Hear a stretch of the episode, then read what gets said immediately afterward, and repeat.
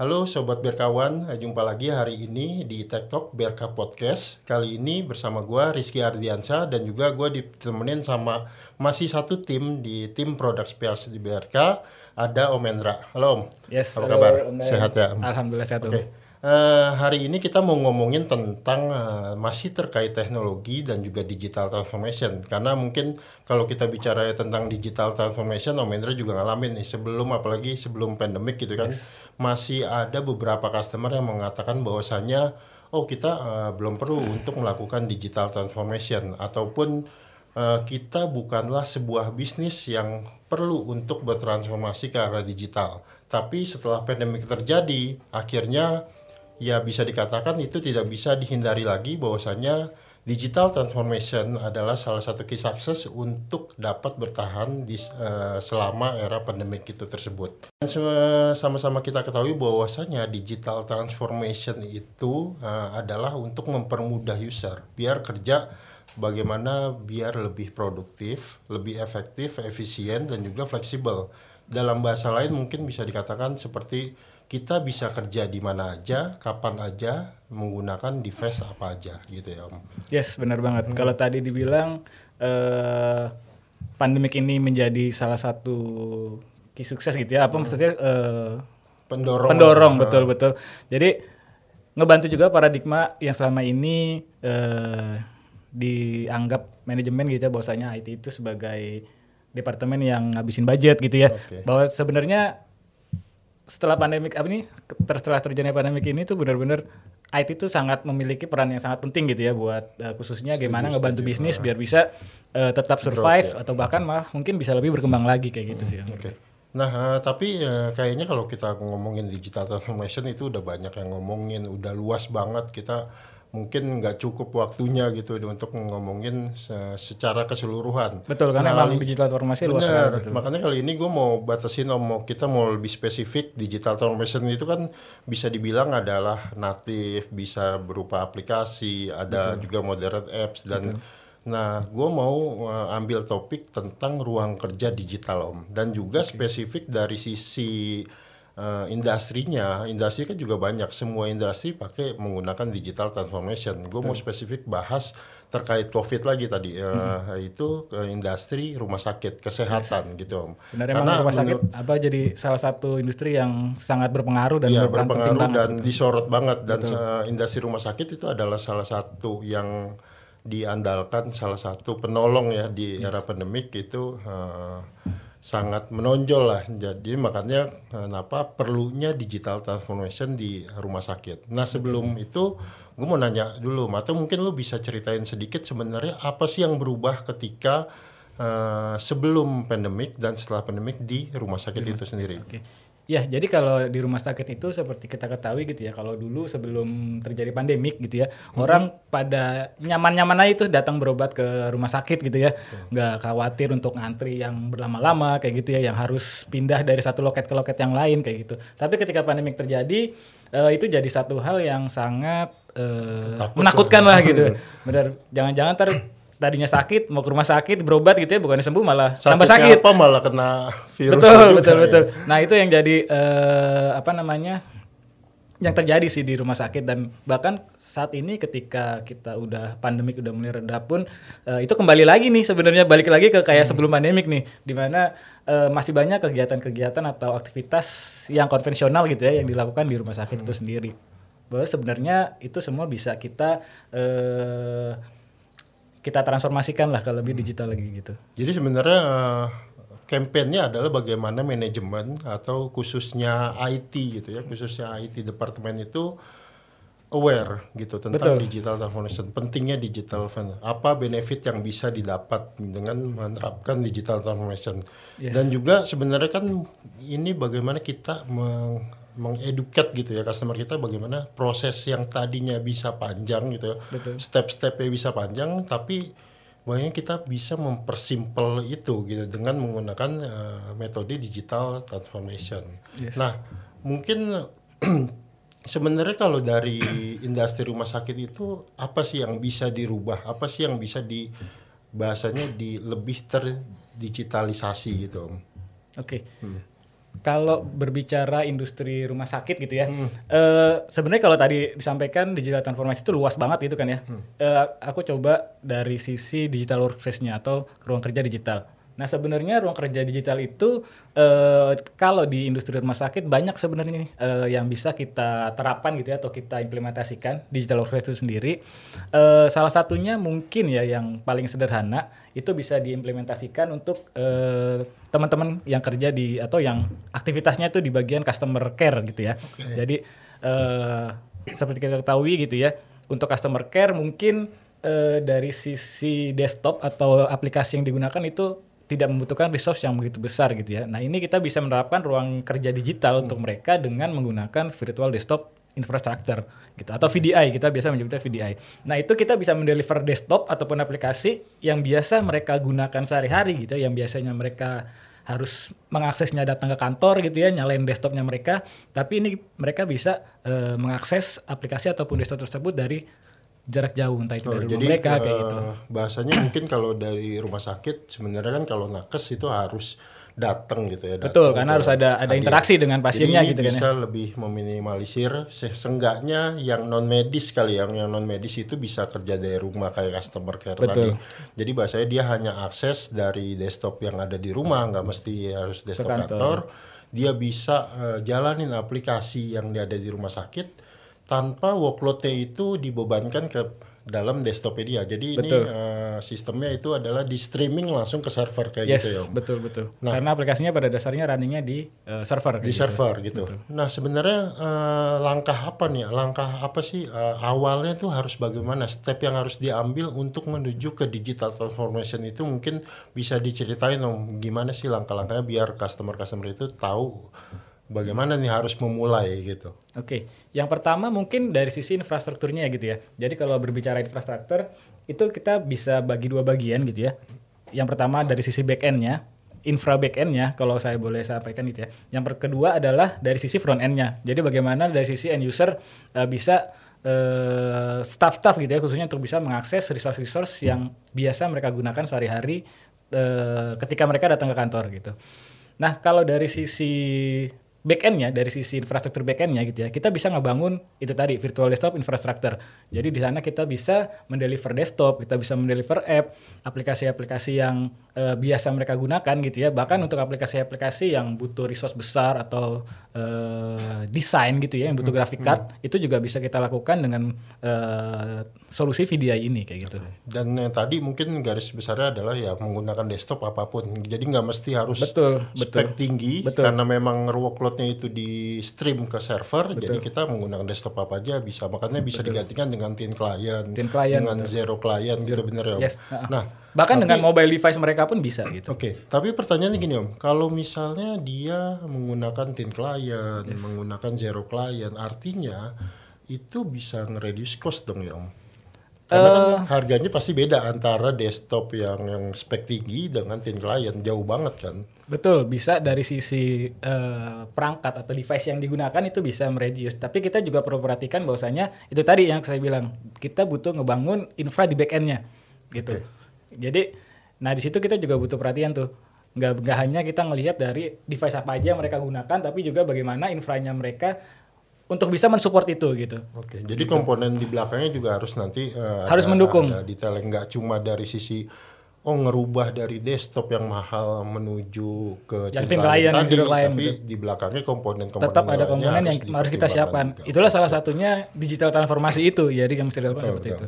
Oke, Eh, kira-kira apa lagi ya eh, selain customer care, misalnya dari si dokter karena di salah satu rumah sakit itu om yang gua tahu, misalnya kita ada pasien rawat inap gitu, kita ada pasien rawat inap.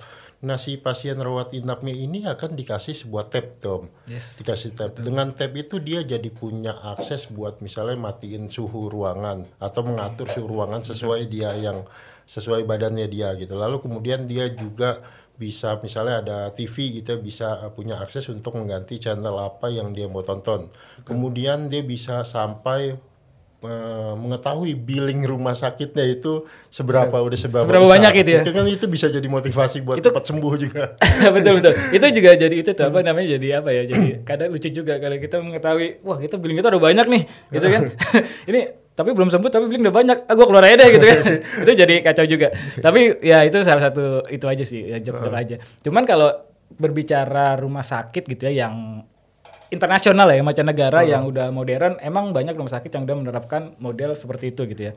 Eh kalau tadi digital transformationnya itu eh kita bicara dari sisi digital workspace-nya gitu ya dia lebih udah lebih luas lagi tuh. Jadi nggak nggak hanya dari digital apa ruang kerja digitalnya tapi juga dari sisi aplikasinya dari sisi IoT-nya perangkat mengatur suhu itu tadi. Nah itu lebih besar lagi. Nah tapi kalau untuk ruang kerja digitalnya itu sendiri ya kita bisa eh, mungkin ya kalau misalnya dulu eh, kita dirawat gitu ya pasti kan ada satu saat dokter keliling nih sama perawat Hmm, datang kunjungan. kunjungan Ah. gitu buat ngecek. Dia biasanya dulu kalau dulu ya nggak tahu sekarang karena alhamdulillah udah lama nggak nginep di rumah sakit sih Mau, biasanya mau. bawa ya jangan dong. Biasanya bawa bawa papan yang buat ujian tuh kan. Hmm, betul. Eh, dia ngelihat apa medical record pasiennya segala macam. Nah itu sebenarnya bisa kita gantikan dengan kita mendeliver ruang kerja digital kita mungkin bisa menurunkan tablet gitu kan Ya tablet itu akhirnya nanti eh, dia sampai bisa eh, misalnya habis cek dia bisa langsung terintegrasi dengan desktopnya si dokter gitu kan. Betul. Jadi dokter pun nggak mesti kunjungan tapi dokter bisa ngelihat nih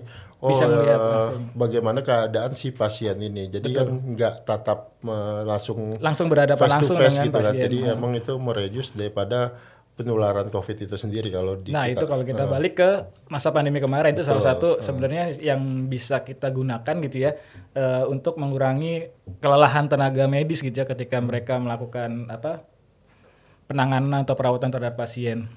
Nah sebenarnya ada lagi selain dari kunjungan itu tadi. Nah biasanya kalau di rumah sakit itu kan eh, dokter praktek di satu ruangan gitu ya. Dan satu ruangan itu biasanya yang pakai tuh nggak dokter itu aja tuh kan biasanya gantian kan. Atau mungkin mereka bisa pindah ke ruangan yang lain gitu. Nah dengan kita mendeliver desktop dan virtual apps dengan Vida itu tadi kita bisa si dokter mau dia praktek di ruangan mana pun selama itu ada komputer gitu ya dia bisa login entah itu dengan smart card ID cardnya karena mereka semuanya atau terintegrasi gitu. Kita bisa bikin semua terintegrasi dan kita membedakannya berdasarkan profile gitu. Profile. Jadi antara profil dokter yang satu dengan dokter yang lain itu pasti akan Berbeda, berbeda. betul. Apa, apa yang di deliver juga pasti itu berbeda. bisa bisa gak sih Om, diterapkan pada tadi kan kalau misalnya tadi contohnya apa eh, customer care. Nah Yes. kalau misalnya untuk sistem core-nya rumah sakit nih kan yang gue tahu ada kayak SIM RS gitu ya SIM RS, ya, betul. eh, manajemen Informasi manajemen sistem informasi manajemen rumah sakit. Yes. Nah itu bisa gak diterapkan untuk eh, dibuat semacam environment digital workspace tersebut. Yes, bisa banget sih. Karena sebenarnya di VDI atau di eh, virtualized infrastructure ini pada dasarnya semua aplikasi kita bisa deliver gitu ya ke end user, bisa diakses dari mana aja gitu. Eh yang terjadi kemudian adalah bagaimana nih device-device-nya itu nanti nih kita manage nih gitu. Jadi kalau dari core system yang tadi mungkin kalau tadi kita ada kunjungan dokter bisa langsung update gitu ya s- apa, kondisi terkini dari pasiennya itu bisa langsung diupdate dan tersimpan di server gitu ya. Jadi ketika mungkin ya oh nih kondisi pasien lagi nggak bagus nih dia butuh vitamin gitu misalnya dokter menginputin masuk ke sistem. Nah dari sistem itu kalau terintegrasi dengan apotek mungkin ya bisa langsung nih dari apotek, oh nih pasien di kamar sekian membutuhkan obat ini nih gitu misalnya. Nah ini bisa langsung dikirim ke pasien tersebut gitu. Jadi prosesnya bisa lebih cepat gitu. Oke. Jadi saling terintegrasi eh, dari tenaga medisnya, dari apotekernya gitu ya, dari mungkin dari staffnya juga itu semua bisa saling terintegrasi gitu. Oke, gue mau nanya eh, soal tadi eh, digital, eh, ruang kerja digital. Tadi kan lu sempat sebut bahwasanya kita nggak perlu lagi login ke komputer di kantor. Kita bisa menggunakan device apa pun. Betul. Semuanya dibagi memang per profile. Eh, pertanyaannya gini, kalau misalnya kita bisa kerja dari handphone kita, Yes.